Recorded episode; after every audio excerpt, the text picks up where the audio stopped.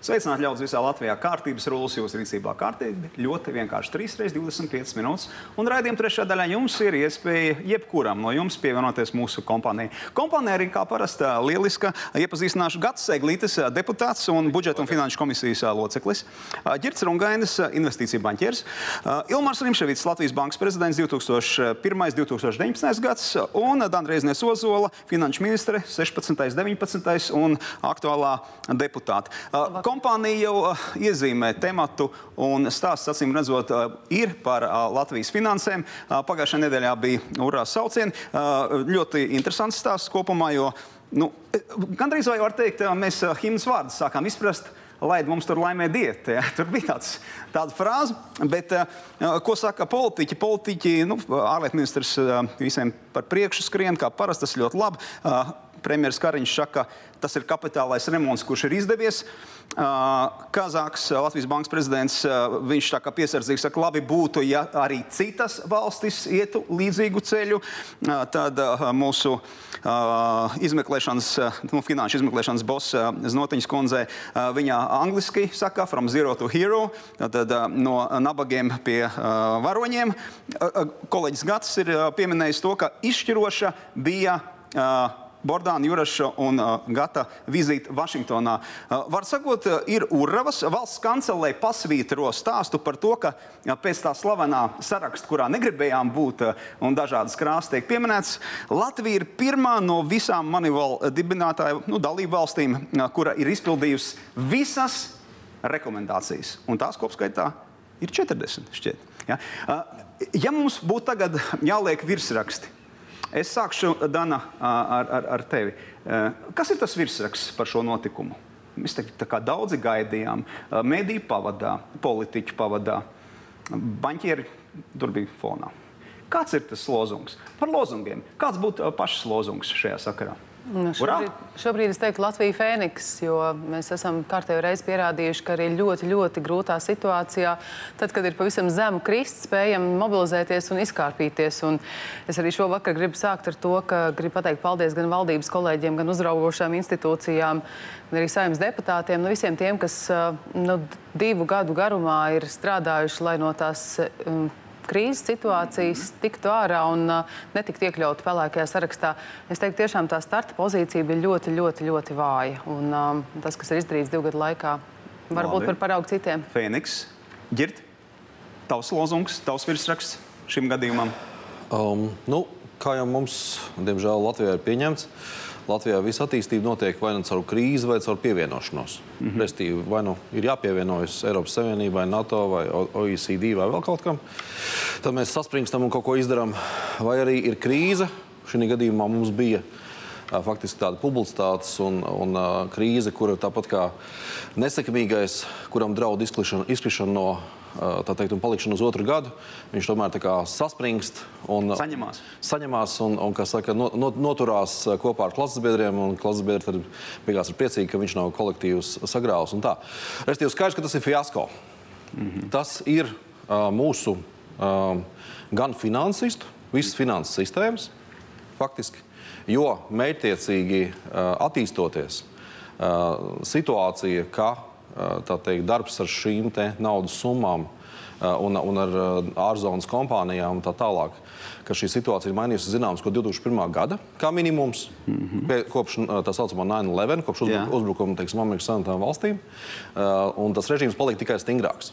Tas, ka puse, vai varbūt pat vairāk nekā puse no bankas industrijas, un arī valsts, faktiski valsts uzraudzības institūcijas kopumā, nespēja novērtēt šīs situācijas nopietnību un to, ka mums pašiem ir jāatrod veids, kā veikt šo kapitālo remontu pirms, tad, pirms tam, kad teikt, mūsu deguntiņš tiek ie, ie, iegrūsts kā tam kaķēnam vai, vai sunim tajā, tajos mēslos. Ja? Mm. Un, un vienkārši ir, mēs esam spiest viņus sa, savākt. Ja? Uh, nu, tas ir fiasko. Tur bija piediens. Nu, šo, šobrīd, pro, šobrīd, protams, tas ir lieliski. Jā. Mēs esam to izdarījuši. Kā vienmēr ir jautājums, un, un tālāk, Jā. vai tagad mēs atkal kā, izlaidīsim gaisu, mm. un, un faktiski, jo, jo kopumā, man liekas, gan uh, sabiedrībā, gan valsts valst, valstī, gan uzņēmēju vidū, gan finansu vidē, atskaitot, protams, teiksim, šo skandināvu sektoru, ja, es domāju, šī izpratne par to, ka Krievijā ir nauda un ka ir jāpiedalās teikt, šīs Pārdalē. naudas pārvietošanā kaut kur, šī apziņa, lai viņi te pērk mūsu nekustamo, lai, lai nu, teiksim, vēl, vēl kā savādāk, es domāju, viņi nav izravēti, diemžēl. Labi, labi, līdz tam vēl arī tiksim. Gati tavs virsraksts? Varētu, jā, varētu būt pusceļš. Pusceļš. Puse, jā, jā. Nu, tādā ziņā, ka mēs esam parādījuši saviem starptautiskiem partneriem, eh, ka mēs spējam sakārtot banku sektoru, ka mēs spējam varbūt eh, pievērst uzmanību šiem finanšu ekonomiskiem noziegumiem. Bet tāpat laikā es domāju, mums jāskatās eh, Latvijā, teiksim, nu, em, gan tas pats korupcijas jautājums, tāpat ēna ekonomika, tā tālāk, kur apakšā ir finanšu noziegumi, kur ir naudas atmazgāšanas noziegumi. Un, un te mums ir vairāk skaļi, eh, skal, skaļas lietas, teiksim, ja, kuras gadiem, gadiem, gadiem eh, velkas un netiek, mm -hmm. netiek teiksim, eh, nu, iztiesātas. Ja? Mm -hmm. nu, Labi, tādā pusceļš. ziņā. Pusceļš, labs, labs vārds. Ilmar, pārdomas šajā sakarā ar lozungiem runājot. Nu, es domāju, ka ļoti svarīgi ir saprast, par kādu cenu. Mm -hmm. uh, un otrām kārtām, uh, man liekas, ka pilnīgi jāsaprot, ka sapnis par to, ka Latvija varētu būt finanses centrs, ir uh, pilnībā izsapņots. Tātad, ah, tu- pieskāries tai lietai, ar ko es gribēju tagad jūs ievirzīt. Nu, taksim tā, mēs padiskutējam par to sapnis par. Ko mēs esam gribējuši ar savu finanšu sistēmu? Varbūt Ilmar tad arī paturpina, jo apstāvot šo te nozari, ah, nu, ir gana daudz noteikti pats redzējis, gana daudz redzējis esi, un arī ah, nu, pārdomas ir šajā sakarā. Ko mēs gribējām ar savu finanšu sektoru? Jo arī ģirds iezīmēja stāstu par to, ka nu, skatāmies uz vienu pusi, bet nesam ar ilūzijām. Nu, ko Nu, mēs gribējām? Atskatoties uz to visu, kas ir noticis, es gribētu teikt, ka uh, svarīgi saprast, kas ir mēs un kas ir viņi un, un uh, ko gribējām. Ja tā palūkojās, es domāju, ka uh, banķieri gribēja vienu. Politiķi gribēja otru, un mēs pavisam kopā tā īsti neko nesapratām, ko mēs gribam. Jā. Brīžiem likās, ka tā būtu teiksim, kaut kāda uh, sveša naudas apkalpošana, sveša naudas uh, investīcijas, um, kaut kur citur tālāk izveidojot kaut kādus finanšu produktus mm. šeit uz vietas. Bet tā arī nekad tas netika noformulēts. Kas tad ir Latvijā tā prioritāte, ko mēs uh, taisamies būvēt? Tas ir tas, ko mēs taisamies tīri politiski šeit sargāt. Jo es atceros 18. gadā pēc aizkraukas bankas visām epopējām bija tāda sajūta, ka neviens neaizstāv, bet nevarēja saprast arī, ko tad īsti Aizstāv, uh, domāju, to gadījumu konkrēti. Aizstāvēt savas, savas bankas, savas, va- savas valsts, Jā. teiksim, finanšu institūcijas. Jo pēc būtības bija tāda pelēkā nenoteiktības zona, kad uh, nekur nevienā valdības deklarācijā līdz uh, tādam pilnīgi skaidram formulējumam netika noformulēts, kas tad Latvija būs. Nu, man Lat- at- jā, atļauj to pārtraukt, Jā. bet uh, kur tad Latvijas bankas loma visā tajā? Jo pats jau esi pie galda, jā, pie ministra kabineta galda, kā Latvijas bankas prezidents sēd, uh, sēdēs. Nu, vari taču piedāvāt, var teikt, lūk, mans koncepts. Uh, Tāds koncepts tika piedāvāts. Tāds koncepts tika piedāvāts. Uh, 15. tas, par ko Girs runāja, ka kā tā mēs tā palaidām to visu garām. Nu, uh, nepalaidām jau mēs te garām. Mēs jutām, kad ir 12. gads, kad uh, Latvija gatavojās uh, iestāties Eirozonā, kad Latvija bija tikko noslēgusi ļoti svarīgi skatītājiem ir atcerēties, ka mēs jau vienreiz tādā manivāla sarakstā tur esam bijuši. Mēs viņu, viņu tā laika rekomendācijas atspēkojām. un Tas div- ir pirms Eirozonai Jā, pievienojamies. pirms ja? pievienošanās Eirozonā. Un 12. gadā Latvija faktiski nokārtoja visas savas attiecības ar Manivālu un uzņēmās jau kaut kādas saistības uh, uz nākošo raundu. Un kopš tā laika faktiski nekas pēc būtības netika izdarīts. Es domāju, ka faktiski tas, kas ir šodien, um, nu, tā milzīgā ažiotāža, tas viss tiešām, kā Reiznieks kundze teica, tas milzīgais darbs, kas ir izdarīts. Um, manuprāt, varēja jau aizsākties 13. un 14. Uh, gadā, iz, izpildot tos mājas darbus, kas bija uzņemti. Kurš nedarīja, Ilmār?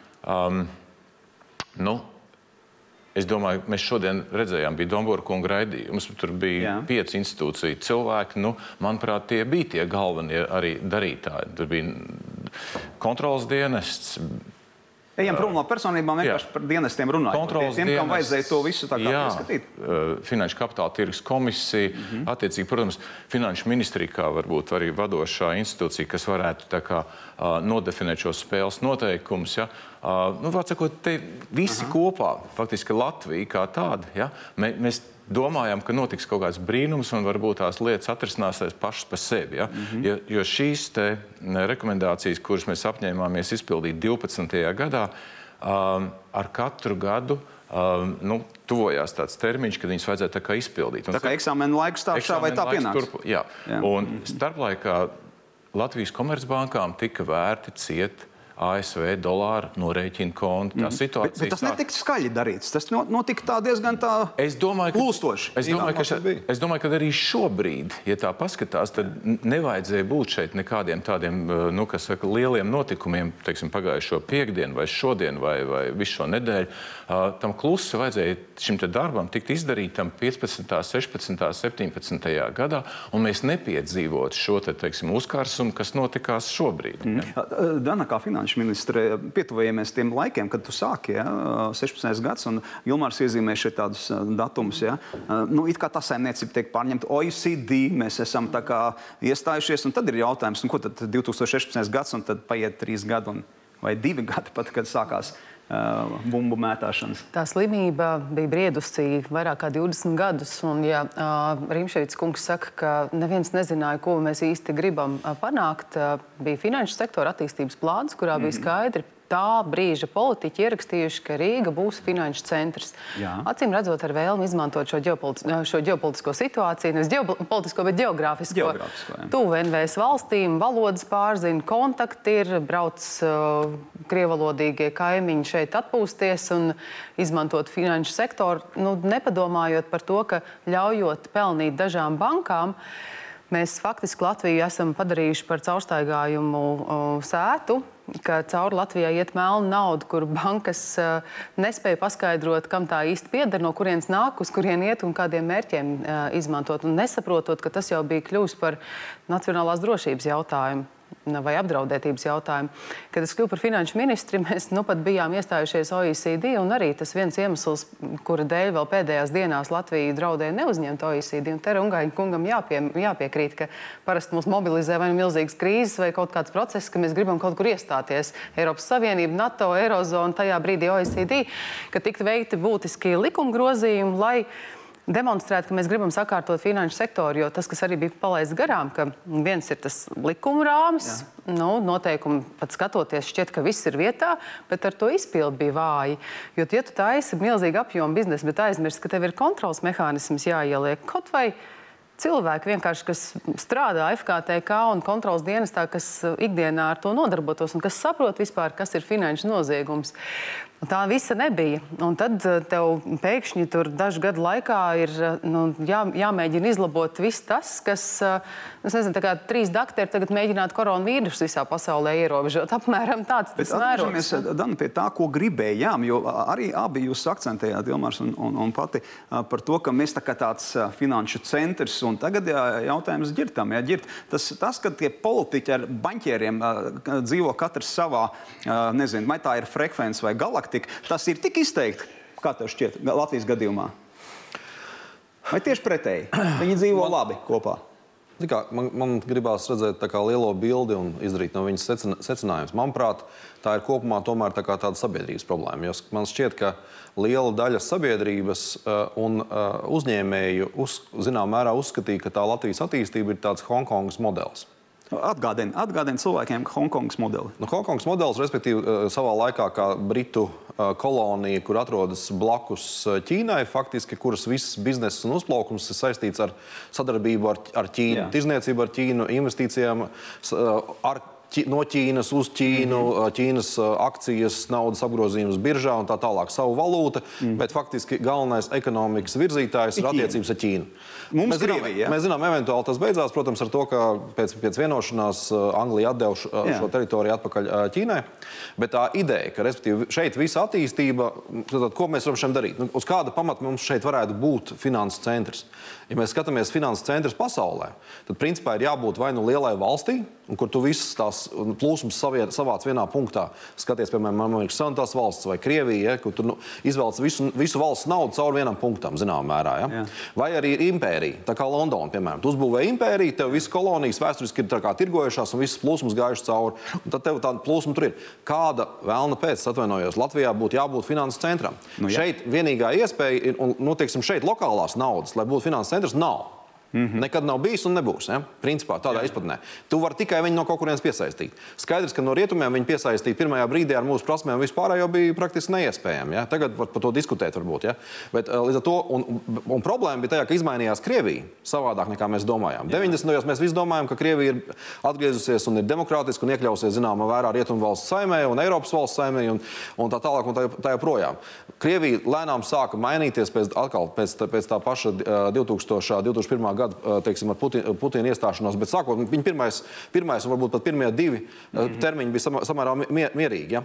Un, bet mūsu sabiedrībā šeit, es saku vēlreiz, uzņēmēji, iedzīvotāji. Krievu. Kāpēc? Mēs gribam šeit viņu naudu, Jā. mēs gribam viņu investīcijas, Jā. lai viņi pērk mūsu nekustamo un, un, un, tā tālāk, un tā tālāk. Un savukārt tas sektors, kurš strādā ar, ar šo naudu lielā mērā. Mums, pateicoties liberālai ļoti politikai, banku reģistrācijai, mums bija ļoti daudz banku. Ir skaidrs, ka Latvija ir pārbankota. Šeit, lai apkalpotu lokālos klientus, pat bez tehnoloģijām 90. gados, nu, nav nepieciešams. Tajā brīdī teiksim, maksimālajā punktā bija nezinu, 65 vai cik licences izdotas. Mm. Ja? Banku skaits samazinājās, bet 20, 30, 40 bankas tagad ir 20, mm. Teiksim, plus mīnus. Ja? Skaidrs, ka daļa no viņām sāk strādāt nu, saka, ar, ar, ar, ar šo, ar šo Krieviju, Krievijas naudu. Un šim, šai te, teiksim, industrijas daļai izveidojās, viņai bija nauda un viņai izveidojās lobbyis. Viņi finansēja partijas, saskaņu, citas partijas. Teiksim, tā, tā skaitā viņi faktiski, un viņi šo režīmu, piemēram, kontrols dienests, viens no, kā saka, lielāko banku īpašniekiem, kas šajā periodā man atklāti teica, mēs ielikām šī dienas vadību. Savs cilvēks. Jā, un šis dienests principā nodarbojās ar to, lai tā teikt palīdzētu Latvijas bankām, kas saka, atšaudīties no, no Krievijas eh, ierosinājuma un vispār. Līdz ar to bija, tā bija jā. tāda saukšana. Gati, labu laiku es uh, Eiropā strādāju uh, institūcijās un, un, un vēroju to tā kā no malas, tajā pašā laikā kā Latvijas nevarēja būt no malas. Ja? Šis sapnīts par, par, par nu, tā, Rīga finanšu centrs. Uh, kā tas deformējās, vai kā tas mainījās. Arī tavā priekšstatā noteikti. Ja? Jauns puika, un tad tu sāc saprast, redzēt lietas. Nu. Uh, jā, nu īstenībā es biju iesaistīts uh, lēmumu vērtēšanā attiecībā par Latvijas uzņemšanu Eirozonā. 12. un 13. gadā es biju Eiropas komisijā, tajā laikā strādāju. Un, un toreiz tieši pēc uh, Kipras krīzes, mm -hmm. jo Kiprai bija liela banku krīze 12. gadā. Toreiz tieši Latvija nonāca tādā zem, zem liela radara uh, no ECB, Eiropas centrālās bankas puses, no Eiropas komisijas puses, no Vācijas puses. Mm -hmm. Par to, ka uh, mums īstenībā tas modelis arī ir līdzīgs kā Kiprai, ja, ka ir ļoti liels īpatsvars teiksim, tās Krievu, Krievu NVS naudas. Atceroties Leseru uzturēšanās atļauju programmu. Uzturēšanās, jā, un teiksim, viss komplekss, ja, ka mums arī viņš draud izaugt uh, nu, līdzīgi kā Kiprā, tas ir banka sektors, un viņš kļūst nekontrolējams, un, un, un īstenībā Kiprai bija tās problēmas. Tā kā es esmu bijis teiksim, arī tajā, tajā posmā klāt. Bet nu, kopumā tas, ko var teikt, ka mums tas banku sektors, jā, viņš izauga tieši šis nerezidenta banku sektora īpatsvars ļoti, ļoti strauji dažu gadu laikā. Mm -hmm. Un tas, kas netika līdzi, protams, ir šīs kontrolas funkcijas. Jā. Ilmar, tas, ko, jā, ko, ko, ko varēja darīt? Vai ko tu es, darīji? Es gribētu tomēr pieminēt arī mazliet, arī, ka tomēr Latvijas bankas prezidentam arī bija jābūt varbūt modrākam. Šie 18 gadi amatā, ja teiksim, arī šīs licences, kas tika daļātas un tā tālāk. Ja, visa šī politika banku sektorā, viss pārējais un tā tālāk. Nu? Ilmar, ir stāsts par modrību no, no tavām pozīcijām. Jo tas, ko uh, saka Girts, ja, ka banķieris saka, ka nu, mēs liekam FKT cilvēku. Ja, no nu, paša pozīcijām raugoties. Ja? Tas, ko Girts teica, viņš runāja par kontrolas dienestu. Es runāju par kontrolas dienestu. Jā, par kontrolas dienestu. Bet uh, attiecībā par to modrību. Um, nu, uh, bijusī ministrs kundze man neļaus samalot. Eh, tad, kad mēs redzējām 15. un 16. gadā, ka šīs lietas iet jau pārāk tālu un faktiski Latvijas banku sektors bija pazaudējis norēķina iespējas ASV dolāros, mm -hmm. tieši Latvijas banka bija tā, kas inicēja um, auditu speciāli ASV auditu visās Latvijas komercbankās. Visas komercbankas izgāja tam cauri, Jā. saveda kārtībā savas lietas. Um, Bet... Pār, pārliecināja faktiski. Um, nu, bija, bija tā, ka dažas uzskatīja, ka varbūt tās tomēr uh, Latvijas banka un FKTK tajā laikā uzņemās par daudz. O, un uh, bija bankas, kuras tajā laikā arī tika sodītas par naudas atmazgāšanu. Um, bet nu, tad nāca 18. gada 13. februāris, kad nāca slavenais šis Finsēna ziņojums. Ja? Mm -hmm. uh, jo um, nu, es domāju, ka. Uh, Amerikas Savienoto Valstu regulators redzēja, ka uh, ne Latvijas banka, ne Finanses kapitāla tirgus komisija, ne uh, Finanses izlūkošanas dienas tiek, netiek galā ar šīm lietām. Mm -hmm. ja, viņi spiest izdot šo brīdinājumu, ka uh, finanšu, ASV finanšu sistēma netiks atļaut izmantot uh, atsevišķām uh, Latvijas komercbankām. Tev pašam ir bijušas ilūzijas par uh, Rīgu kā finanšu centru šajā reģionā. Nu, tas, ko mēs te esam jau pārunājuši. Es domāju, ka vārds ilūzijas ir, ir, ir labs uh, apzīmējums. Ir bijušas ilūzijas, uh, neslēpšu, jo uh, tagad mēs visi varam, protams, šeit stāstīt, cik te nav, nav teikt, pamata Latvijai būt par finanses centru un tā tālāk. Bet es domāju, teiksim, tāpat kā Latvija ir. Uh, mežu valsts, Latvija ir tranzīta valsts, Latvija ir ostu valsts. Šeit bija ļoti organiski klāta arī šī finansu pakalpojumu sfēra. Jautājums ir, ka vienkārši mēs Uh, varbūt bezatbildīgi, nesaprotot Jā. šos tiešām uh, visus riskus līdz galam, naivi cerējām, ka cilvēki izmanto šo labvēlību godīgi. Uh, beig, beigās finanses sistēma tika izmantot ļaunprātīgi, uh, tā vietā, lai šo naudu šeit uh, apkalpotu un veidotu interesantus finanses produktus, kā tas ir teiksim, veselā virkni valstu, vai tā ir Luksemburga, vai tā ir Šveice, vai tā ir Austrija, Holanda. Mēs vienkārši palikām tajā līmenī, kur nauda tika ieskaitīta un ātri izskaitīta un veikts aizdomīgas un nelegālas finanšu operācijas. Gan kā finanšu ministrijam pašai arī politiķai bija tā sajūta, ka banķieri ir negausīgi Latvijā palikuši. Viņu ēstgriba vai ēdienkarte ir tāda, ka nu, viņi ēda arī politiķus. Bija tāds sajūta? Jā, protams, jo tajā brīdī, kad, nu, kā es teicu, kļuvu par finanšu ministru, es redzēju, ka mums vairāk kā 50% noguldījumi ir ārvalstu depozīti, kas ir tiešām vienas nakts attiecības. Nauda ieskaita, nauda aiz, aiz, aiziet prom. Mūsu bankās ir gandrīz 18,000 čaulas kompāniju, kas vispār nespēja paskaidrot, ar kādu biznesu nodarbojas. Nu, tur ir skaidrs, ko bankas īsti uh, apkalpo. Un uh, te ir taisnība, ka Latvijas banka uh, diezgan skaļi arī uh, signalizēja sabiedrībai un arī valdībai tajā brīdī, kad tika pārtraukts ASV dolāru korespondējušās attiecības, kad inicējušos arī ASV auditus. Es pēc tam nebūdam atbildīgi par, ne par naudas mazgāšanu, ne par licencēšanu. Bet tas, jā, bet, ne, bet tajā brīdī, tajā, ir, tajā, brīdī, tajā brīdī, protams, arī kā pieredzējušākā institūcija, kurā ir vismazākā mainība bijusi, komisija reaģēja, bet kas man, protams, mulsina, ka ļāva, ievi, ie, ie, nu, rā, ļāva šai slimībai ieilgt tik daudzu gadu garumā, jo, nu, kā jūs paši sakāt, 2001. gads atskaites gads, 2012. gads ka bija daudz stingrākai tai politikai jābūt un arī nu, tiem nu, ļoti mainīgajiem nāk, politiķiem jāiedzen galvā, ka tas nav īstais Latvijas attīstības ceļš. Kas tā nu, pa spēle ir? Teiksim, tā, tā ir neizpratne, mulsums, es domāju, pieredze. Šo vienā raidījumā faktiski izskatīt nav iespējams. Jā, protams. Bet, bet katrā ziņā uh, ministrs kundze arī neļaus uh, stāstīt pasakas, ka Latvijas banka bija tā, kas apstādināja veselu virkni likumdošanas iniciatīvas, ko šīs bankas jau bija panākušas faktiski. Kā lobby, ja, meklējot jā, lobbyjas politiķu vidū. Mm. Tā, kā, tā, kā, tā ir viena lieta. Otra lieta ir, redziet, noguldījumi ja, Latvijas banku sistēmā. Tā ir viena lieta. Ja, Un uh, Latvijas noguldījumi, šie nerezidenti noguldījumi Latvijas bankas sistēmā bija apmēram 50%. Bet tā nebija bēda. Tā problēma bija, ka Latvijas banku sistēma tika izmantota um, pārskaitījumu, jeb norēķinu veikšanai, mm -hmm. kur ka, tagad jau tas ir visiem zināms un, un, un bieži eksploatēts šis rādītājs, ka viss, vis, no visas pasaules dolāru norēķiniem 1% Jā. gāja cauri Latvijai. Un tas 1% bija aptuveni 650 miljārdi ASV mm -hmm. dolāru. Jūs ieklausieties, jā, jā, jā. vienā gadā. Ja? Uh, un, uh, nu, mēs nevarējām tur stāvēt klāt un, un pārska, pārbaudīt katru pārskaitījumu. Mm. Ja? Uh, to tiešām redzēja atbildīgās valsts institūcijas. Un ja runā par Latvijas bankas lomu, tad tieši, ja jūs paskatāties 15., 16. un 17.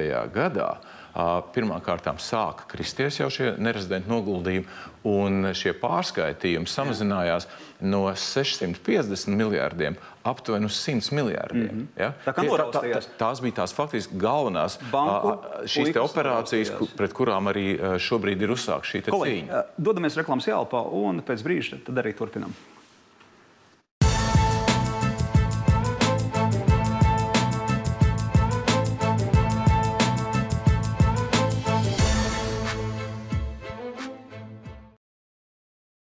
Mēs turpinām kārtības rulli. Finanšu pasaule, finanšu sektors, mūsu stāsts, vai Rīgai bija lemts tur nonākt, tur būt, par ilūzijām, par vēsturisko kontekstu. Ģirt varbūt paturpina, vai arī pabeidzam to iepriekšējo stāstu. Tad, vēsturiskais konteksts, kas ļauj mums runāt par to, ka šeit varētu atrasties zināmā mērā reģiona finanšu centrs. Jā, varbūt par tām objektīvām lietām, par šīm nosacītajām ilūzijām kuras droši vien sektorā vairāk vai mazāk. Visi jau grib, lai viņu sektors attīstās un lai tas centrs šeit būtu tādā vai citādā izpratnē. Vai Viens ir tas, ka vēsturiski Vāci, kā saka, veda uz šejieni zeltu un sudrabu skaidrā naudā, tā teikt, kuģ, kuģos. Lai iegādātos zvērādus un citus labumus, kurus pludināja lejā un kas nāca principā, no lielās Krievzemes mm -hmm. caur, Rīgu tajā laikā. Tā kā jāsaprot, ka zināmā mērā finanses centrs viduslaikos šeit Hanzas Savienības ietvaros, viņš jau šeit ir bijis. Kā, un arī pēc tam teiksim, tas periods, kad Latvija zināmā mērā un Rīga darbojās kā tāda silīcija ielai Krievijas impērijas apstākļos. Rūpniecības centrs. No 870. līdz 912. un tā tālāk. Ja? Bet pēc, pēc tam, kad, un kas, kas teiksim, veidoja šo attīstību pēc 90. gada? Ir, ir kapitāla bēgšana no Krievijas. Jāsaprot. Mm -hmm. No Krievijas gāžās ārā milzīgs daudzums naudas. Ne tikai no Krievijas. No, Bet, kas, nu, kas no, no visas bijušās padomju savienības. Teiksim, tā atskā... modernā pasaule to sauc par jauno naudu. Un, un šeit tieši tas, ka šīs bankas šeit bija sareģistrētas, mm -hmm. no bet arī šeit bija at, lielākā, attīstītākā pilsēta un vislielākā iespējas izdarīt. Tāpēc Jā. arī īstenībā, kā saka, Rīgā šī attīstība notika un, un, un, un, un tas rezultāts tur iestājās. Un, zināmā mērā, tikmēr, kamēr neiestājās 2001. gads gads šis uzbrukums Amerikai, pēc, kam, pēc, kam, pēc kā Amerika sāk izmantot dolāru un dolāru norēķinus, lai cīnītos ar teroristiem. Jā. Pēc tam ir 2008. gads. Pasaules finansu krīze un nepieciešamība visām attīstītajām valstīm sāk dzīties pakaļ nodokļu nemaksātājiem un dažādām zonām. Mm. Tas ir vēl papildus pastiprinājums. Mm. Jo skaidrs, ka ja no 2001. gada cērps un, teiksim, un, un FKTK jau mēģināja kar, karot un, un veidot visu, teiksim, viss tas process jau gāja, nevar teikt, ka nekas netika darīts. Ja? Zinām, mērā. Bet 8. gadā vēl tas paliek stingrāk, pēc tam, un pēc tam, pēc tam iestājas uh, 2014. gads. Un lielā mērā problēmas, kas ir šobrīd, nāk no, no Putina uzbrukuma, principā uh, Krimas aneksijas uzbrukuma Jā. Ukrainai. Un tas, ka Kri Krievijā šobrīd ir tik daudz cilvēku, kas ir šajos te, teiksim, sankciju sarakstos, tik daudz uzņēmumu, kas ir sankciju sarakstos, kas rezultātā noved pie tā, ka mums šie klienti ir saistīti un vienkārši uh, Krievijā nav naudas. Jo šobrīd pasaule ir izmainījusies tādā veidā, ka pateicoties šiem procesiem, naudai ir jābūt ar izcelsmes certifikātu certifikātu. Tāpat kā di dimantiem, teiksim, kokam, koku materiāliem, daudz kam citam. Naudai ir jābūt izcelsmes Krievu gadījumā tas, Krievu gadījumā tas nav iespējams. Jā. Tāpēc ir jāsaprot, ka no vienas puses, protams, mēs, kā saka, ar labākajiem nodokļiem esam kļuvuši par upuri savai veiksmei, un ka tos norēķinus mēs šeit spējam uzbūvēt, ka mūsu sistēma bija pat efektīvākā, zināmā mērā, mm -hmm. jo kur paslēpt grāmatu? Vislabāk bibliotekā. Jā. Ja? Un skaidrs, kur paslēpt netīro naudu. Ne jau tur, kur viņas apgrozījums ir niecīgs, bet tur, kur viņš ir milzīgs. Liekam, bankā. Tur visvieglāk, vis, ne, vis, ne, visvienkārši bankā. Ne jau uh, Igaunijā vai Lietuvā, kaut gan šobrīd mēs redzam, ka lielākās atmazgāšanas problēmas Baltijā ir Igaunijā. A, Igaunija īstenībā ir atmazgāšanas centrs. Teiksim, ja?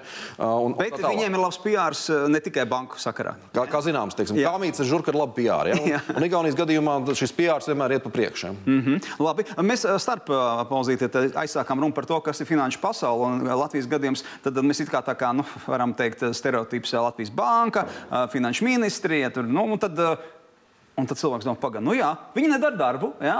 Dan paturpina domu vai akcentē domu tagad publiski par stāstu, ka ir jau arī vēl uzraugošās institūcijas, mm. ir apkārt tiešām pelēkā zona. Mm. Jā, ne tikai kaut ko mazgājot, bet neizskaidrojami. Nu, viens normāls cilvēks, tad, kad dzird, ka ir problēmas finanšu sektorā, parasti iedomājas bankas. Jā, jā, bet, uh, diemžēl, ir tā, ka bez bankām pašām vēl ir virkni citu spēlētāju, kuru dēļ Latvija gandrīz nonāca tajā pelēkajā sarakstā. Maksājuma iestādes, grāmatveži, auditori, juristi, visas šīs profesijas, kas apkalpo tos klientus, kuri uh, atrodas mūsu bankās, un kuri arī līdz šim uh, nesaprata vispār, kas viņiem ir jādara, lai uh, piefiksētu nelegāli iegūtus līdzekļus, un ka viņiem kādam ir jāziņo, ja viņi kā uh, nu, nezinu, grāmatvedis ierauga, ka viņu klients mazgā mm -hmm. naudu, ka viņiem arī ir pienākumi. Tā bija vesela pasaule, kas pēkšņi 21. gadsimtā Latvijai atklājās. Ka, hmm, Tur Jā, vienīgais, tas sita arī par, uh, ne tikai par tiem grāmatvežiem, kas patiešām tur piedalās, bet par pilnīgi visiem Nu, bet- tādiem, kas mazo nu, bet, veik- Protams, tas mazā līdzīgi, veikaliņā līdzīgi kā AB LV dēļ. Jā. Sitienu dabūja visas bankas. Mm. Arī tās, kuras kreditēja tautsēmniecību, un kuras bija spiestas kļūt uz, uzmanīgākas un, un uh, negribēja vairs uzņemties tik lielu risku un vēl ieguldīt papildu līdzekļus iekšējo sistēmu sakārtošanai.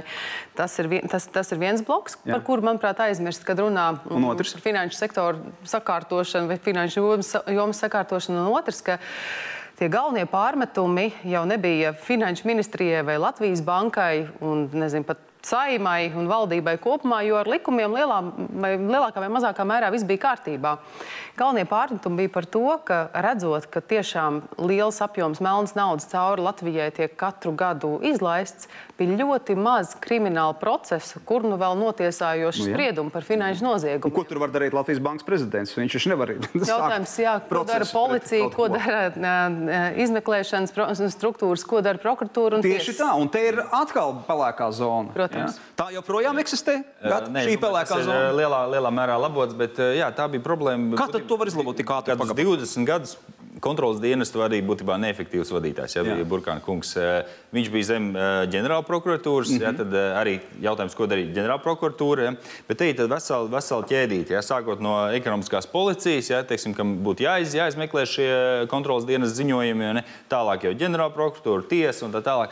Reāli tas, kas notika, būtībā neviena lieta eh, līdz notiesāšanas spriedumam par naudas atmazgāšanu vispār Latvijā, man liekas, nav bijusi. vai ne Tā, ka kāds sēdē cietumā. Joprojām nav. 2000. Joprojām nav. Ko mēs 2017. gadā bija, esam? 2017. gadā bija trīs, trīs proce, p- p- procesi ierosināti. Nu, tagad jau ir ko parādīt. 18, 21, 19, 15. Mm -hmm. Nav ļoti daudz, bet nu, var redzēt, ka ir Tas progress. jautājums, ko varēja darīt eh, Latvijas Bankas prezidents, nu, eh, es, es domāju, tā eh, politiķi ļoti, ļoti klausās, teiksim, kas sakāms Latvijas Bankas prezidentam. Ļoti klausās.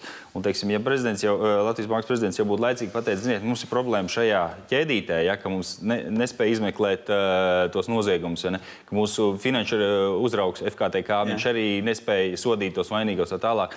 Nu, tad iespējams būtu kaut kāda rīcība sekojusi, vai nu tur mēs iedodam vairāk naudas tam institūcijām, vai mēs uh, nu, Ilmār, darām Ilmār, Ilmār, atkal pie tavas modrās acis. Nē, nē, mums, nu, jums jau ir taisnība. Tas ir tāpat kā iepriekšējā 2008. gada krīzē. Daudz teica, ka nu, Latvijas banka varēja tomēr brīdināt vairāk. Ja mēs teiksim, pēc tam atskatāmies, nu, tad Latvijas banka tur gan katru nedēļu vienkārši vai nu, vai nu ministra kabinetā, vai, vai saimā, vai, vai teiksim, kaut kur presē uzstājās. Varbūt tas jūs nebijāt tajā dienā mājās, jūs nedzirdējāt to raidījumu. Tāpat tās attiecībā uz šo gadījumu. Tad, um, tas nenozīmē, ka Latvijas banka nav sūtījusi kaudz vēstules. Es šodien arī nākot uz raidījumu apskatījos ā, uz Finanses kapitāla tirgus komisiju. 15. gadā, kad ir desmit vēstules, ja, uz budžeta saimnes komisiju, uz saimnu mēs gājām, aizstāvējām likuma grozījumus un tā tālāk. Nu, vesela dokumentu pakete. Ja. Tā kā visu to mēs esam darījuši, bet nu, nevar jau Latvijas banka viena pati. Pārējie it kā, tā kā pilnīgi nejāgs, nesaprot, kas notiekās. Nu, jā, ne? politiķi, Kad- politiķi īpatsvars lielāks. kad Latvija ir slavena ar, ar tā saucamo Landramātu, ja, kur ka iesaistīts laikam kāds piecas vai sešas Latvijas komercbankas. Ja. Kā tik bija tajā laikā? Kāds naudas mazgāšanas skandāls, vai ne? Noteikti tur bija iesaistīts uh, šīs te, uh, mūsu slavenās uh, Latvijas komercbankas. Uh, Kāpēc jūs domājat, šī lieta tika ierosināta pret manīm? Tāpēc, ka loģiski šīs, te, šīs te bankas bija neapmierinātas. Runa ir par 18. gada februāru. 18. gada februārī, jā, divas dienas vēlāk, teiksim, pēc Tas notika šitas- zibenīgi, skaisti un nepārliecinoši. Zibenīgi, Jā, zibenīgs, ir, jā. Skaisti uzreiz tu lītās divas nu. dienas, vai ne, un tiek aizturēts Latvijas bankas prezidents. Nu, šis te gadījums ir vienkārši trīs par naudas atmazgāšanu sodītu banku, nepatiesi sniegtu um, liecību rezultāts, mm -hmm. ka ar, ar cerību kaut kādā veidā atriepties man par to, ko es esmu darījis tieši tajā zonā, lai, lai mm. ierobežotu šo naudas atmazgāšanu, un lai šīs bankas varētu kā, uh, netraucēt turpināt darīt savus, uh, savu biznesu. Ja? Bet nu, dzīve izvērtās savādāk, un, un šobrīd um, tā kā tajā anekdotē, kad uh, tie, kas varbūt tās nezina, ir tāda dienas grāmata, kur uh, tur. Um, Dienas grāmatā tiek rakstīts, kurš tad ienāca kara laikā, uh, pils, pilnā pasaules kara laikā, pilsoņu kar, karš un no sākuma mežā atnāk sarkanie, pēc tam atnāk baltie, pēc tam atnāk sarkanie, atnāk baltie. Karš turp atpakaļ mēs varam atcer, atcerēties, ka dvēseli puteni, neskaitāms vārds te mainās, un beigās atnāk mežsargs un, un izdzen visus no, meža laukā. Mm -hmm. Un šeit bija faktiski līdzīgs stāsts, ja mēs te varējām cīnīties turp atpakaļ, mm -hmm. līdz kamēr atnāca uh, amerikāņi un Finsēna ziņojumi vienkārši ievies šeit savu kārtību un pateica sešu mēnešu laikā Ieklausieties, sešu mēnešu laikā, lai Latvijā no šiem 50% nerezidentu noguldījumu mm -hmm. paliktu tikai 5. Mm -hmm. nu, iedomājieties, šī nav Latvijas valsts uh, politika, šis nav Latvijas valsts lēmums. Mums vienkārši no malas pasaka, kas mums šobrīd ir jāizdara. Nu, Man liekas, tas ir pats trakākais. Ja? Jā, ģirt.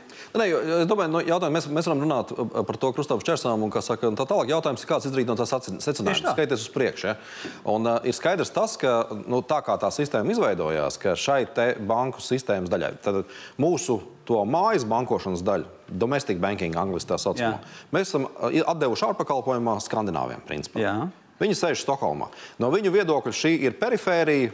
Teiksim, ja mums bija notika strauja attīstība un jaunākās tehnoloģijas tika ieviestas šeit, Baltijā, un bija, bija attīstītāks teiksim, bankošana zināmā mērā nekā te pašā Zviedrijā un, un Vācijā 90. gados. Bet tālāk pēc tam šis process ir nobremzējies. Šobrīd mēs esam pārvērtušies par, par finanses perifēriju. Šī mājas bankošana, mājas bankošana zināmā mērā. Ja?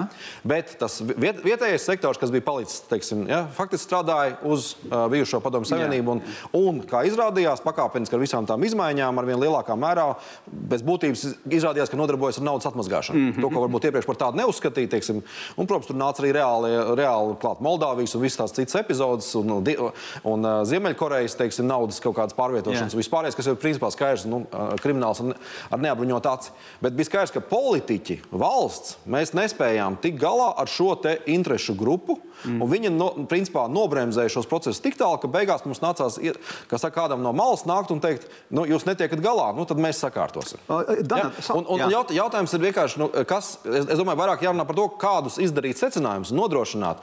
Jo, jo bez tā arī nākotnē nekāda attīstība un nekāds finanses centrs šeit nebūs. Mm -hmm. Un finanses pakalpojumu pieejamība un kredītu pieejamība un vispārējais šeit nenotiks. Ja mēs būsim, teiksim, nomale tikai skandināvu bankošanai, kur šobrīd, teiksim, aizdod, nespēja aizdot tik daudz, mūsu, cik, cik tur ir noguldījumu mūsu. Viņi nespēja mums aizdot kredītos vairāk. Ja? Ne, nevis kaut kāda, jā, jā. teiksim, skandināvu pensionāri. Ja? Tā ir mūsu paša nauda. Viņi ir vairāk tur depozītos, nekā mēs viņam dabūt kredītos. Ja? Bet uh, savukārt kaut kāda cita attīstība, ja mēs neesam paši pietiekami pieauguši savā uzraudzībā un politiskajā izpratnē un nespējam veidot ilgtermiņu attīstību šai industrijai, tad nekas šeit ne, nevar būt, nekāds mm -hmm. centrs šeit nevar būt. Dana, 2018. gada februāris Latvijas bankas prezidents tiek izslēgts no spēles. Jums galva visiem kūp, jo ir ziņojums, Vincents ziņojums, attiecīgi, un tad blakus ir tie paši banķieri. Tur jau viņi ir. Viņi ir noņēmuši no trases vienu amatpersonu, bet jums ir jāsakārto lietas, ko prasa amerikāņi. Kā tas notiek? Ne, nu, tas fonds bija ļoti nepateicīgs, tāpēc ka Latvijas iedzīvotājiem bija ļoti liels sentiments arī pret ABLV banku, jo nu, mākslas mecenāts, vietējā banka, vietējais kapitāls nesaprotot pēc būtības, nesaprotot pēc būtības ka, ka nu, ši, ši, šīs bankas darbības dēļ faktiski cieši vietējie uzņēmēji un citas bankas, kas kreditēja no. tautsēmniecību un gal galā arī tas iedzīvotājs, kurš pārmaksā pēc tam, tādēļ, ka mūsu kredītprocenti dārgāk kļuva kā, kā valstī. Ta, tas bija fons, plus vēl melnās kampaņas. Varbūt atceras, nu, visas Rīgas ielas bija ar melniem plakātiem, pilnas izdarot spiedienu, lai, lai ļautu bankai pašai likvidēties, nu, restīvi, lai īpašnieki varētu noteikt to kārtību. Nu, kā, varēja just, kā, varēja to just, jā.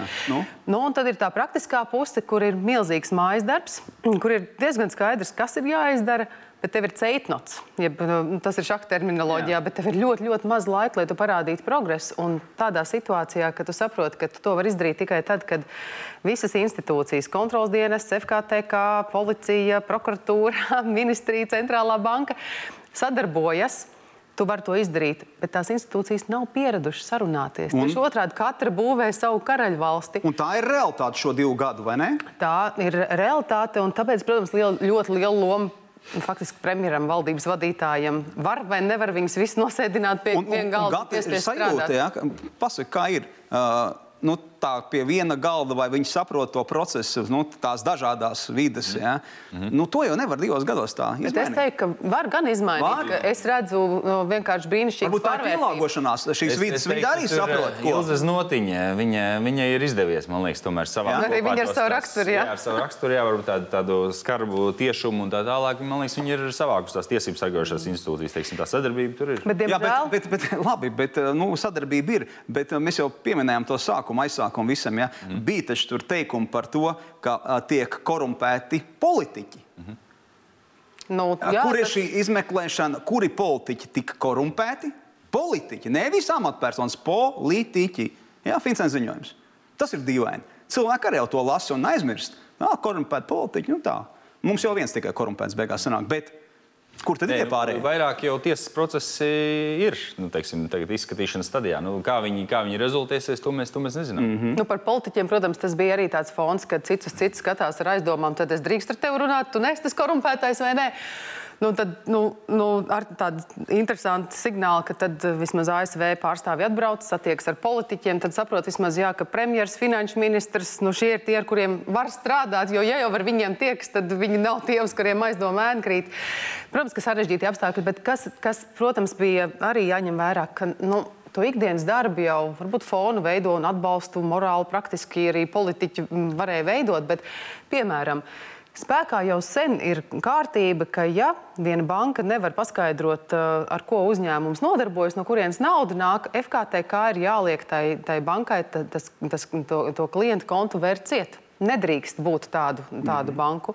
Mums bija gandrīz, kā jau teicu, 18,000 čaulus kompāniju. Mums bija vēlreiz jāpieņem jauns likums par to, ka nedrīkst bankas apkalpot čaulus kompāniju. Tas sanāk, ka tā sviestmaize ar sviestu vēl vienu kārtu jāuzsmērē, lai FKTK beidzot sāktu darīt Jā, bet, savu bet, darbu. Bet līdz pēdējiem brīdim Ilmar banķieri neticēja, ka notiks tā. Kā notika 18. gada februārī, kad Finsēna atsūtīja ziņojumu. Nu, tā izskatās vismaz. Nu, es domāju, ka. Um Eksministrs kundze var pastāstīt arī, nu, vai viņi jūt to spiedienu uz sevi, vai viņi nejūta. Jo, jo banķieri tik tiešām staigāja un taustījās un mēģināja saprast, kas te būs un vai, vai tās Latvijas bankas iniciatīvas ņems virsroku vai neņems to virsroku. Ja? Tā kā, tad, man liekas, tas ir tas jautājums.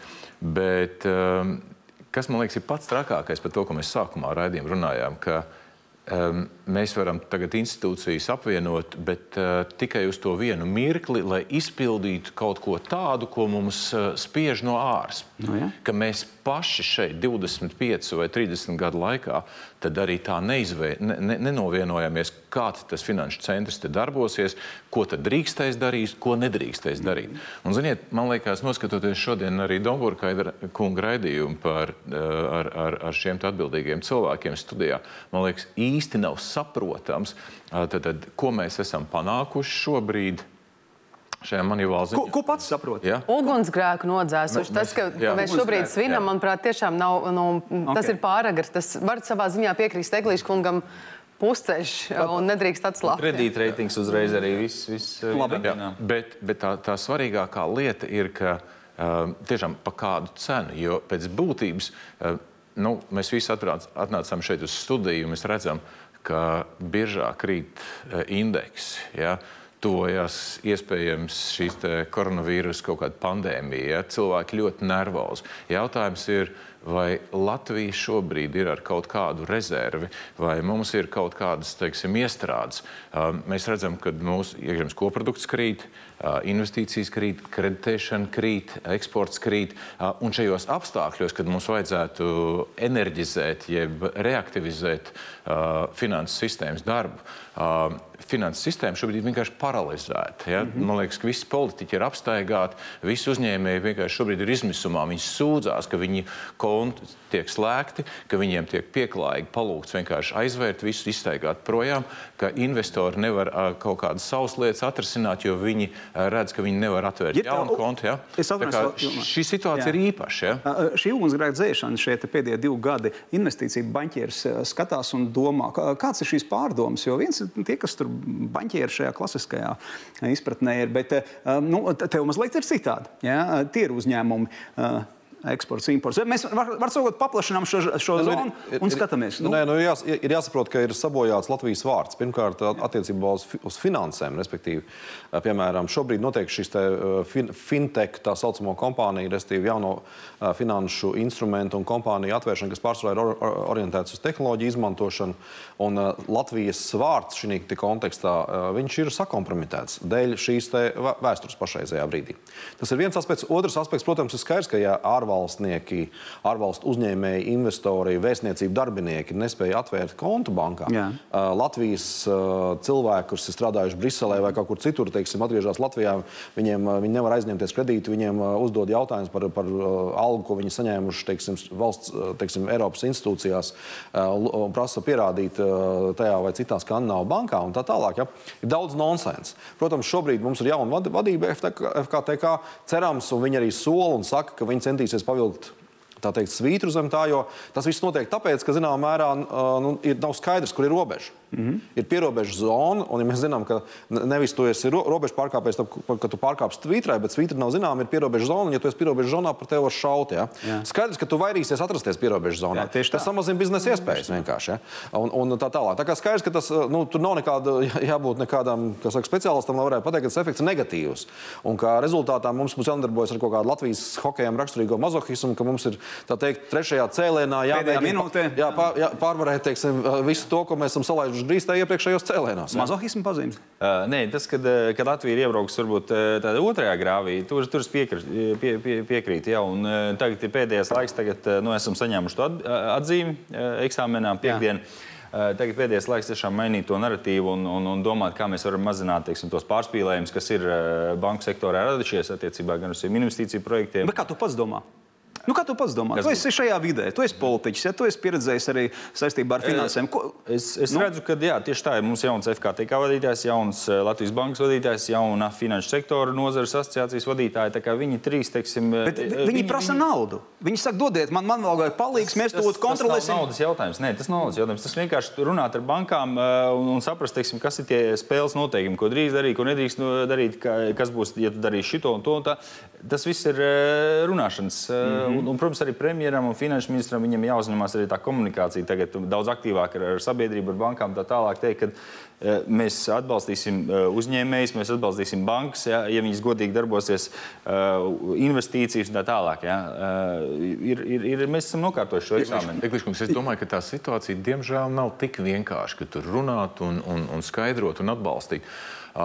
Bankās sēž konkrēti ierēģi, kuriem ir kaut kādi priekšraksti. Kā um, šobrīd teica, šodien teica FKTK jaunā vadītāja Purgāls, tad uh, Tur uh, ir daudzas neskaidrības, ir daudz pārpratumu. Un ierēģi, protams, šīs lietas uh, tulkos sev pa labi, lai ne, nedod Dievs, ka viņiem kāds pārmetīs, ka viņi kaut ko tur nav pamanījuši. Un tajā laikā tieši šie cilvēki aiztaigā projām.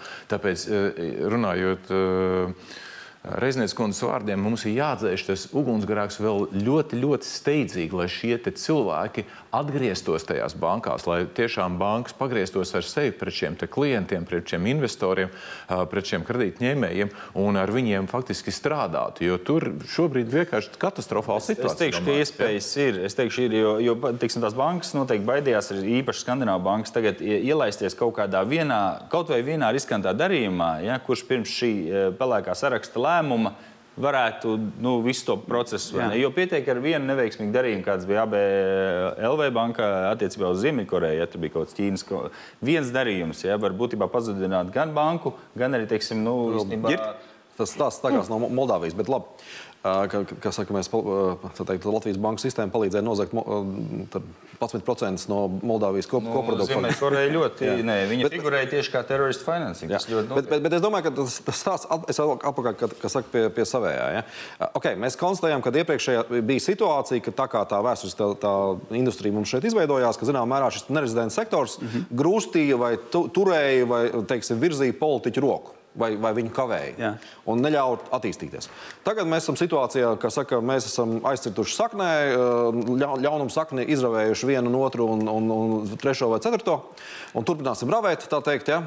viens pēc otra skaidrs, ka viņi vairs mums neko negrūsta teorētiski. Ja? Bet Tā vietā mums ir tagad policisti, uzraugi, kontrolieri un tā tālāk.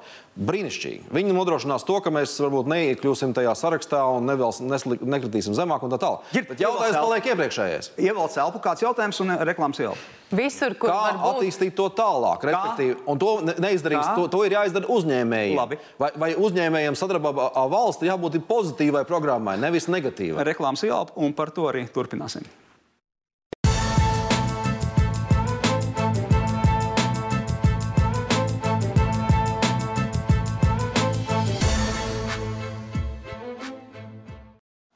Kārtības ruļļa noslēdzošā daļa.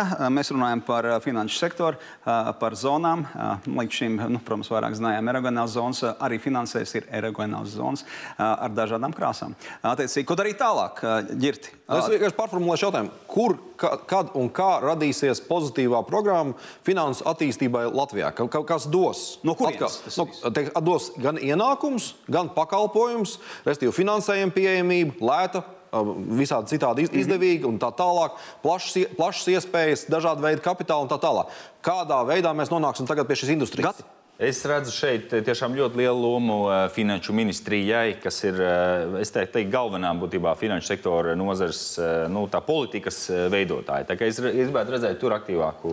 Ko nozīmē loma? Latvijas banka, Latvijas kaut kāda darbība, var pateikt priekšā, saka kaut kādas darbiņas priekšā viņiem, lai viņiem skaidrs ir tur kāda vēstījuma. Tur ir gan, teiksim, regulējums attiecībā uz banku uzraudzību, gan, teiksim, apdrošināšanas tirgi, kapitāla tirgi, visi tie finteki un tā tālāk. Jā, teiksim, viss, viss šis kompleksais Tas, kā, bet tas jau tā kā tur ir. Re regulējums ir ļoti svarīgs. Re nu? Jo skaidrs, ka sacenšas regulējošie režīmi, bet re regulējums kā tāds neradīs šo te, jo tur ir vajadzīga sadarbība ar uzņēmējiem. Un kas šie uzņēmēji šobrīd ir, nav pilnīgi skaidrs. Jo nerezidents sektors ir pilnībā sev sakompromitējis zināmā mērā. Fintechs viņi nav iegūši kaut kādu lielu svaru, atskaitot šeit tos ātros kredītus, mm. kas teiksim, ir atkal žanrs, ko mēs, ko mēs negribam redzēt zināmā mērā. Ja? Un, eh, kā jau teicu, eh, šo mājas bankošanu mēs esam outsourcējuši, atdevuši ārpakalpojumā skandināviem, kuri margināli interesēs par to, kas tur notiek. Jā. Gati, bet nu, tā koalīcijas iekšēnē, tie, tie darbi, kā pats tu jūti, izprot kolēģi? Jo, jo, jo jums ir vēlme, jā, jā, bet es, jāliek galvas kopā. Es domāju, ka visi gaidīja to 21. februāri. Ja? Nu, tagad mums tas ir noticis. Būtībā bija pirms šī lēmuma, un tagad, kas būs pēc. Nu? Tagad mums ir, šodien mums bija tieši finanšu sektora attīstības padome, ja, tad, kas ir premjeru vadībā.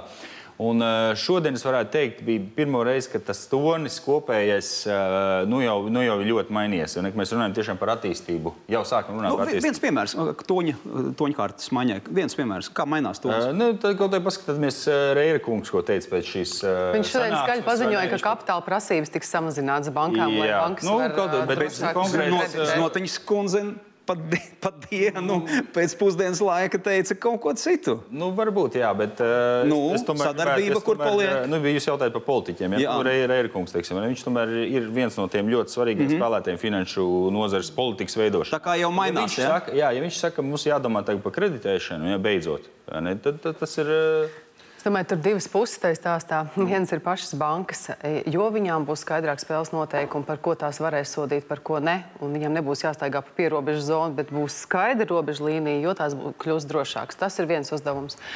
Otrs, e, es esmu piesardzīga par kapitāla pietiekamības prasību samazināšanu, par ko Rērkungs šodien skaļi paziņoja. Tas ir tas, kas līdz šim ir pasargājis Latvijas finanšu sistēmu un Latvijas iedzīvotājus no tādas reālas e, banku krīzes, ka mūsu īpaši nerezidenta banka bankām kapitāla pietiekamības un likviditātes prasības ir bijušas augstākas nekā vidēji Eiropā. Ar uzvīdu.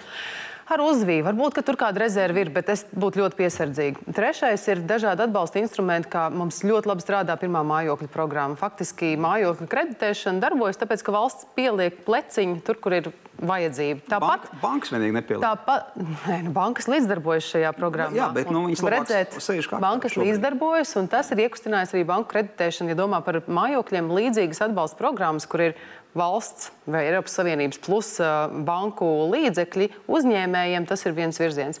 Bet ir otra puse. Mēs varam, protams, tikai tās bankas lamāt, un tas ir ļoti populāri lamāt bankas. Bet ir otra puse. Tas, ko arī banka saka, ka ir ļoti mm, reti tādi gadījumi, kad banka var viegli iedot kredītu, jo uzņēmēji nav gatavi. Un tas bija viens no iemesliem, kāpēc nodokļu reformas kontekstā Nu, es uzstāju to, ka ir jātaisa uzņēmuma ienākuma nodokļa reforma, lai pašu uzņēmumu veselīgums un konkurētspēja uzlabotos, Jā. lai viņi kļūtu tādi, kurai banka vai kāds cits investors gribētu aizdot vai kurā ieguldīt. Un, ja iepriekš tā, tā statistika bija, ka tikai 10% no maziem vidējiem uzņēmumiem, kas aiziet vispār pie bankas pēc līdzekļiem, ir kredītspējīgi, tad man var būt ļoti daudz naudas, bet ja es tev nevaru iedot, tāpēc ka tu nevari paņemt. Ne. Nu, tad mēs varam tikai sūkstīties par kred, kred, kreditēšanas zemu apjomu, bet tie ir divi virzieni. Nu, es domāju, faktiski, ka mēs varētu teikt, ka Latvija šobrīd ir krustcelēs arī. Ja? Teiksim, par šo uh, stāstu, kas, kas šobrīd attīstās Latvijā, varētu teikt, ka ja Latvija bija uh, smagi saslimusi, vai, vai šis te, teiksim, pacients ir smagi slims, bet, uh, tā, un viņam tiek veikta apstarošana. Un, manuprāt, ka varbūt šī te, teiksim, slimība nav nekādā 4. Uh, vai 5. stadijā. Viņa varbūt tās ir 1. vai 2. Bet šis slimnieks lēnām mirst no tā, ka tā apstarošana ir tik spēcīga, ka beig beigās viņš nomirst no apstarošanas, nevis no tās, nevis Jā. no tās pamatslimības. Ja? Jā. Un tāpēc es domāju, būtu ļoti kritiski, ka uh, Rērkunga iniciatīva, protams, ir ļoti apsveicama. Tas ir tāds pirmais žests, kad mēs sākam kaut ko relaksēt un, un mēs esam gatavi šeit kaut, ko, kaut kādas uh, jostas atlaist vaļā, vaļīgāk. Bet uh, ar to nepietiek, tāpēc ka šis viss notiekās banku klientu līmenī. Un es domāju, ka tur ir ļoti svarīgi, ka nāk uzņēmēju organizācijas, nāk nezinu, kaut kāda noguldītāja pārstāvja, nāk investori un vienkārši precīzi iebaksta uz šo neskaidro formulējumu, kas šobrīd ir kaut kādos noteikumos, jo šo no, divu gadu laikā tur ir kaudz noteikumu sastrādāti, ja, kur vienkārši jārevidē un pēc iespējas ātrāk jāapmāca banku ierēģi, jāapmāca attiecīgie eh, nezinu, uzņēmēji, mm. vienkārši sastrādāties. Jo savādāk šajos apstākļos vienkārši mūs sagaida vēl drūmāka situācija. Ir tas tā, tā kā to, tas skolas gadījums, bet kā teicam, nekam atrast tagad vietu dzīvē. Jo tu jau esi visu izdarījis. Un liecībā, un sarkanie diplomi ir, ja, un arī ordeņus varbūt kāds jau tagad raksta. Bet kā tev dzīvē atrast vietu? Un tagad tā pārcenšanās vai izpildījums, nu, šis stāsts ir beidzies. Mēs tā kā visi esam savākuši. Ja? Ko darīt tālāk? Ko tad darīt tālāk? Tagad? Tu teici, komunikācija. Ja? Te pieminēja kolēģi, jā, tā vajadzētu ar uzņēmējiem vairāk. Nu, politiķi, ne, nu, ir skaidrs tev, ko politiķi tagad dara un darīs. Ne, nu, es, es, es domāju, ka kopumā, protams, tas jaunais status quo viņam ir zināmā mērā ir jābružājās un tiksim, viņam jānostiprina. Jāpārtās. Un tiešām pa priekšu ir jāsavelk, jānovelk šī līnija -hmm. teiksim, no prie, pierobežu zonas, kā, kā Dana teica. Tā, daudz, daudz citas lietas jāizdara, jābūt skaidram šim rež, režīmam. Un, un, un, es domāju, ka, protams, ir arī paudžu maiņa. Zināmā mērā, kā saka, 90. gadu kauboju Kā saka, rock'n'roll banking eh, pēdējiem mohikāņiem, viņiem ir kopā ar pēdējām nerezidentu bankām, kuras nevar izmainīt saka, savu darbības stilu, pat tad, ja viņām jau biznesa lielā mērā ir, ir beidzies, eh, ta, tam ir jābeidzās. Un, un, un kopā ir jāiestājas tomēr, es domāju, Skandināvu bankām ir jāsaprot, ka šeit tomēr nav uh, vēl viena uh, Zviedrijas province un ka šeit ir tomēr cita situācija un lokālajie tirgi un nepieciešamība šajos tirgos būt spēcīgam pozitīvam spēkam. Kāpēc? Es domāju, ka viņi cenšas un mutiski to runā, bet nu, tas, tas kā, kā, šobrīd notiek šī saruna, ja, ka mm -hmm. ASV investori un citi saka skandālu bankām, kāpēc jūs vispār atrodaties Baltijā, parādās šī informācija, ka viņi var iet prom. Tā ir destrukcija. Nu, tā, tādā izpratnē viņām ir jābūt šeit uz 100 vai 200 vai 500 gadiem. Tā, kā, teiksim, tā jāskatās. Un jādarbojās, lai šeit tā uzņēmējdarbība attīstītos. Ja, ja viņi taisa bankas filiāli skandināvu uzņēmējiem, uzņēmējiem Krievijā, Dienvidāfrikā, kā kur citur, un neņēma Latvijas uzņēmējus. Tāpēc, ka, bet savējos ņem. Tur ir, ir miljonus veidi, kādā veidā faktiski zināma diskriminācija un tā tālāk. Tas, ko es gribēju teikt, ir tas, ka tas spēks ir paudžu maiņā un attīstībā. Mm -hmm. Finans, Latvijas finanses industrijā caur fintechiem, caur jaunajiem cilvēkiem. Mums ir spēcīgi finansisti, mu- mums ir daudz šo cilvēku, mums ir la- labas mācību iestādes, kas viņus ir sagatavojuši. Šis spēks šeit ir. Viņam tagad ir jāatrod jaunas formas, un viņas droši vien tiks atrastas. Ja? Mhm, Gati par formām. Jā, tas, ko, tas, kas varētu bojāt teiksim, to jauno status quo, eh, teiksim, to attīstības vektoru, ir tas, ka īstenībā pašas tās skandināvu bankas joprojām gaida vēl, vēl savus sodus no Amerikas, ja, tad, no Amerikas finanšu institūcijām. Redz, izrādās, ne, Jo mūsu ieriņš melns. Svetbank, Svetbank, SEB un uh, Danske Jā, Bank, mēs ir. zinām, viņiem visiem uh, joprojām vēl nav bijis Pašiem sots no uh, Amerikas.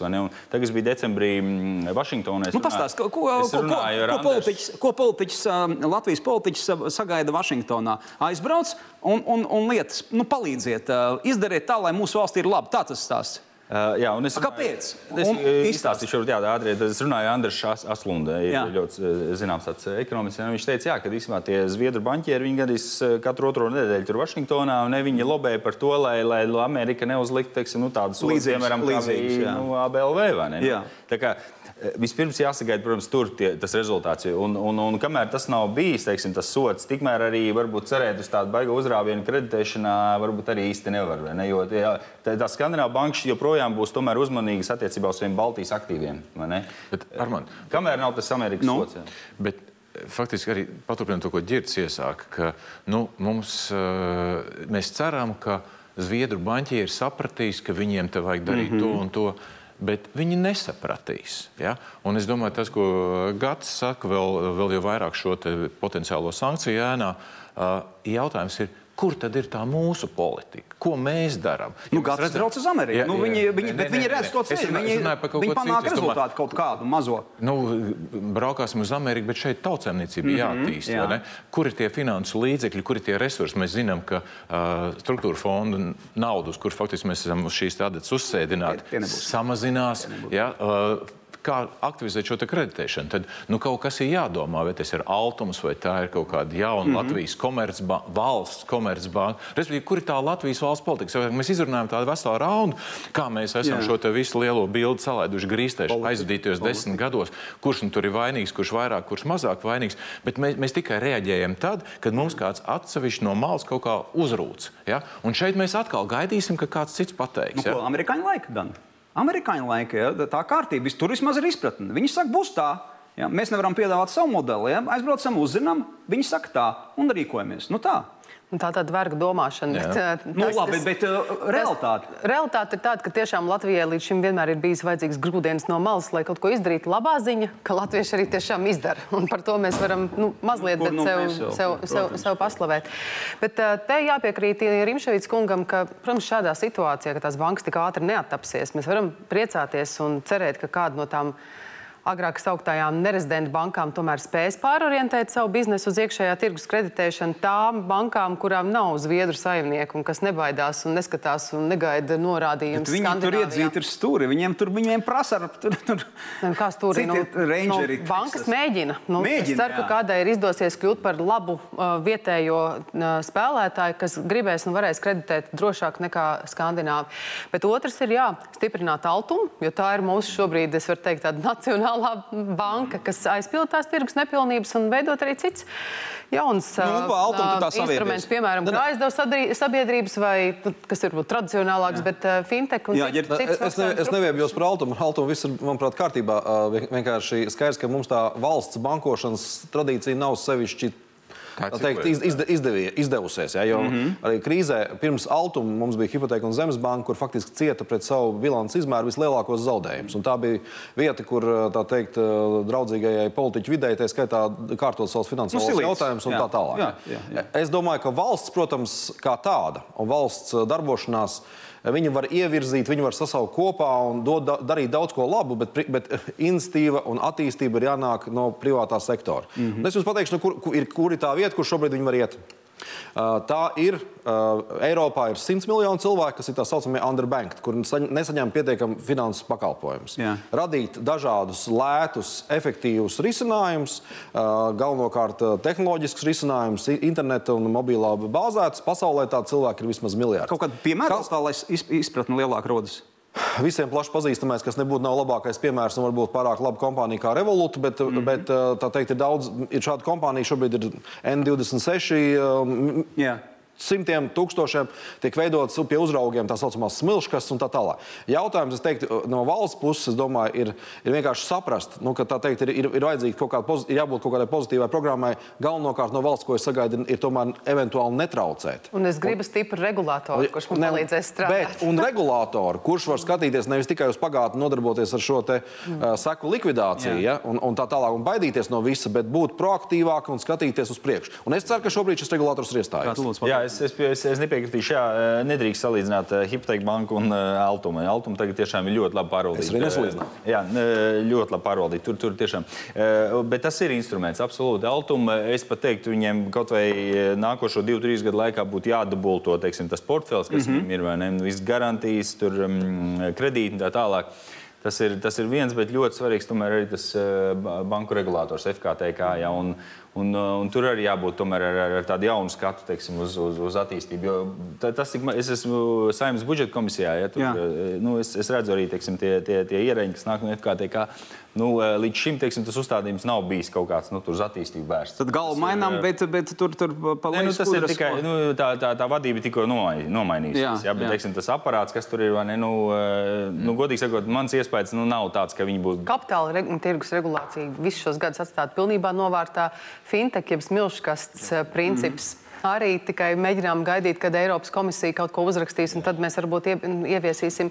Nu, regulātoram ir jāiet soli uz priekšu, un viņam jābūt konsultantam, privātajam sektoram, palīdzēt, Nu, līdzīgi izdomāt, kā kā. vids, līdzīgi kā vids, vai ne? Pirms, teiksim, Nu, soļi tāds ideālais aprunāties, ideālais jā, jā. vids. jā. Preventīvi, jā. Jā. Preventīvi. Bet nu, vēlreiz akcentēju tādu amerikāņu lomu, jo nu, ir tā, ka viņu grūdienis tas bija 18. gada februārī. Šobrīd mēs arī redzam, Gads pats arī teica, bija Amerikā. Ko, runā politiķis ā, pie amerikāņu galda? Tas nozīmē, nu, ļaujam, lai ir viņu bāzes tāpat NATO sakarā, ir viņu kārtība. Varbūt tas iedrošinās, nu, labi, skandināvs iespējams, varbūt kādus citus iedrošinās, kaut kas sāks mainīties. Jā, nu, tas Es, galvenais- es vulgarizēju un provocēju šobrīd. Tas galvenais mērķis eh, decembra vizītē bija eh, nu, teiksim, panākt to, lai Latvija neiekļautu šajā pelēkajā sarakstā. Un skaidrs, ka Amerika ir eh, viens no lielākajiem nu, spēlētājiem visā šajā vē- vērtēšanas procesā, FATF. Tā kā Tas bija galvenais uzdevums. Un, eh, Nu, paldies Dievam, jā, tas ir izdevies. Tagad, Jā. un, eh, un, eh, bet bet teiksim, tās sarunas mums bija, bija arī par citiem jautājumiem. Tas tas jau vienā dienā neiz, neizdodas parasti. Tas jau nav tā, kā aizbrauc un runā. Uh, nē, nu tas, tas, tā, tā, tā nebija pirmā reize, kad mēs bijām Vašingtonā. Tā kā, protams, Amerikāņi mūs bagāts nepadarīs. Uz, uzdevums ir kļūt turīgākiem. Un, mm -hmm. nu, tas nozīmē, jābūt gudrākiem. Amerikāņiem vienkārši lūza vads. Mm -hmm. Jo pēc tam, kā eh, teiksim, galvenokārt, nu, okay, Ziemeļkoreja pats par sevi, kas saka, bet, bet uh, Moldāvijas situācija. Un kad amerikāņi saka, vienkārši, jūs esat NATO valsts, jūs gribat, lai mēs jūs aizstāvam. Jums tur Baltijā ir trīs ap pus pilsētas, ko aizstāvēt. Ko jūs gribat? Jā. Lai amerikāņu karavīri mirtu par jūsu, kā saka, un, un mūsu pilsētas varbūt gaidīt kod, kodola raķetes, eh, un ko jūs darat? Jūs atmazgājat par dažiem miljoniem, teiksim, miljardiem Miljardi. Moldāvijas naudas. Ja, rezultātā tā valsts maina teiksim, orientāciju no rietumu orientācijas uz austrumu. Ukraina ir ģeopolitiski iespiesta starp Krieviju un, un šo attiecīgi jauno prokrievisko re, režīmu. Tad jūs ko? Jā, bet nu, vienkārši tajā, saku, tajā brīdī mēs ko? Bet es saku, Mēs vēlreiz, ar Jeņķiem. amerikāņi, tā, ja mēs runājam par pozitīvo programmu. Liekam, mieru amerikāņiem. Amerikāņi vienkārši pasaka, kas ir, mums ir iezīmējuši tagad smiltīs, kur tālāk mēs iet nevaram, un tagad mēs baidamies no šīs te vietas un ap, apējam viņu ar līkumu. Bet jautājums ir, kā pelnīt naudu, kā pelnīt visiem un, un, un sagādāt finansu Jā. industriju, kas var palīdzēt visiem šeit mums kopā palikt turīgākiem, mm -hmm. lai mēs varētu maksāt nodokļus, lai mēs varētu at, uzlabot savu veselības aizsardzības sistēmu, izglītības sistēmu, vispārējo un arī drošību tā skaitā. Tas ir tas jautājums. Mm. Un to, tas ir kopējs visas elites sadarbības jautājums, gan no valsts, bet valsts neuzbūvēs bankas. Nu, ko jūs, jūs iedomājaties, ka šeit var tagad uztaisīt banku, kurā būs tik daudz naudas, lai varētu atkal pa blatam aizņemties lēti vai, vai kaut kā vienkāršāk nekā skandināvu bankās? Tas nav tas ceļš. Mm -hmm. Līdz noteiktam laikam Ilmar um, pats um, brauca uz Eiropas centrālo banku, dzirdēja tur noteikti stāsts arī par Latviju. Ko viņi saprot no mūsu gadījuma? Um, tu būsi pārsteigts. Uh, Nevienu stāstu nedzirdēju. Uh, um, Eiropas centrālā banka šīs lietas um, teikt, neizskata, jo mēs, mēs palūkojamies uz tādiem manivālu ziņojumiem, uz FATFas ziņojumiem. Viņi iznāk katru dienu. Tā, tas, tā ir ikdiena. Mm. Ja? Vakardien, teiksim, iznāca uh, Kipra, vai aizvakar iznāca pa Sloveniju. Um, tā kā visi vis šie jautājumi, tā, tā ir dienas kārtība. Ja? Bet paturpinot to, ko Girts minēja, es domāju, ka pats svarīgākais šobrīd ir nu, visi tie raidījumi, ko mēs redzam. Ja? Mums ir TV24, mums ir krustpunktā, mums ir nezinu, vēl vesela krustašķērs. Ko tik nerunā? Mēs lieliski mākam raksturot situāciju, ka esošā situācija ir tāda un tāda. Bet tas jautājums beig beigās ir, ko darīt? Ja? Mm -hmm. Kur ir šis pozitīvais plāns? Un, ja, ja nav valsts banka, nu, tad labi, tad privāta banka, tad ir ārzemju banka. Bet, bet lai vismaz kaut kas notiekās, ja vajadzīgas kaut kādas dotācijas vai vajadzīgas kaut kādas atvainojas garantijas. Mm -hmm. ja? uh, bet, bet, bet svarīgi ir, ka šī situācija, kas šobrīd pamazām pasaulē veidojās, ka Latvija vienkārši nesagaida viņu rokas klēpī sēžot. Ja? Da, darīšana, Dana, darīšana, ko darīt un pazīmes parādās to, ka mums sāk nu, rasties tādas izmetņi skaidrībai? Vai tomēr vēl ir ugunskura kuras mums tur tagad traucē? Nu, nē, nav nekādas skaidrības, vēl ir tāds apjukums, bet man šī kontekstā arī novēlējums Eglīša kungam nākamreiz, kad brauksiet uz Ameriku, tad uh, nevajag veidot sarakstu sankciju vai manī vēl vajag pateikt arī mūsu strateģiskiem partneriem, ka labākā aizsardzība mums šeit būs ASV investīcijas. Un es domāju, ka Latvija ir labi pastrādājusi šobrīd. Divas bankas labi, labi pastrādājusi šobrīd, ka var jau sākt iedrošināt, ka vajag nākt un investēt. Jā, bet viņš jau var ņemt līdzi. Kāpēc? Jā, jā. es palīdzēšu. kā, kā, kā ir ar, ar politiķu no šo trauksmi, jo piedzīvoju iepriekšējo uh, laiku, tā teikt, jā, līdz 18. gada februārim, tagad jaunais sasaukums. Uh, kā politiķi izprot tagad šo jautājumu, vai tikai dreb un gaida, kad būs ziņojumi, un tad kurš pirmais pieskries pie Twitter? Nē, kopumā jau es ļoti novērtēju, ka arī jaunā valdība uh, paņēma to finanšu sektoru sakārtošanas jautājumu kā prioritāti, jo varēja būt visādi. Mēs sākām, valdība mainās, citi Jā. vadītāji, citas prioritātes. Sākumā vispār tā retorika arī bija tāda dīvaina, kad jau kāds gribēja ieslēgt atpakaļ gaitu un aizstāvēt Nacionālā kapitāla bankas gads, arī atceras droši vien savus citātus. Bet sapratu, ka nu, tas ir ļoti slidens ceļš un ka vajag turpināt, pat ja tas ir darbs, ko ir iesākusi eh, vecā valdība par to es teiktu tā, nu, tiešām komplimentu un mm. novērtēju. Un Ilmar no malas, jo apstākļi spiest skatīties pašam no malas. Kā politiķi Latvijā mainījās šajos divos gados? Tie, kuri ir tie darītāji, lēmēji, tie, kas arī uz bankām gāja, uz visām bankām? Nē, es domāju, ja tā palūkojas, kas ir izdarīts aizvadītajos divos gados, tik tiešām cepuri no šajos grūtajos apstākļos izdarīts ir daudz. Ja? Uh, viss ir kārtībā. Bet, uh, nu, ir svarīgi, lai, lai viņš uzņemās kaut kādu politiku. Ja? Lai, lai, eh, vai tas ir finanšu sektors, vai tā ir veselības aprūpe, vai tā ir izglītība. Mm -hmm. ja? Mhm. Lai mēs stāvam un krītam. Lai saprotam tematu. Ja? Lai mēs saprotam tematu, lai pēc tam, ja gadienā kāds mums atnāk un kaut ko uzrūc ja, no malas, mm -hmm. tad mēs uzreiz varam pateikt, nē, bet, draugi, mīļie, eh, tas ir mums svēts, mēs neļausim to aiztikt. Ja? Mm -hmm. Nevis mēs vienkārši ņemot vērā, ka mums pašiem savas politikas nav, savas vīzijas nav. Mums atnāk kādam nepatīk, mēs viņu vienkārši atdodam un saplēs, saplosīšanai. Un visbeidzot, ģirt, tev viegli ir kā uzņēmējiem Latvijā? Es nesūdzos. Manuprāt, saka, gan dzīvot, gan nodarboties ar uzņēmējdarbību, ir, protams, plusi un mīnusi. Un, uh, sarežģītība un, kā zināms, kā saka, uh, liela veiksme. Uh, mazā valstī nozīmē mazu naudu, un maza veiksme lielā valstī nozīmē lielu naudu. Bet nu, es domāju, ka šī ir ļoti laba vieta, kur dzīvot un, un strādāt. Un jebkurš, kurš lamā šo valstu un nopietni pamēģina darboties kaut ko citu, pēc kāda laika klusām atliena atpakaļ un klusē luptiņā. nu, kolēģi, es jums teikšu paldies, paldies par sarunu. Tad varbūt ar šo novēlējumu par mūsu labo zemi pie tā arī paliekam un veidojam to stāstu, atrodam mērķi un piepildījumu. Paldies. pielietojam. Ja? Paldies, ka atnācāt, paldies, ka izteicāt savu domu. Labvakar! Vakar.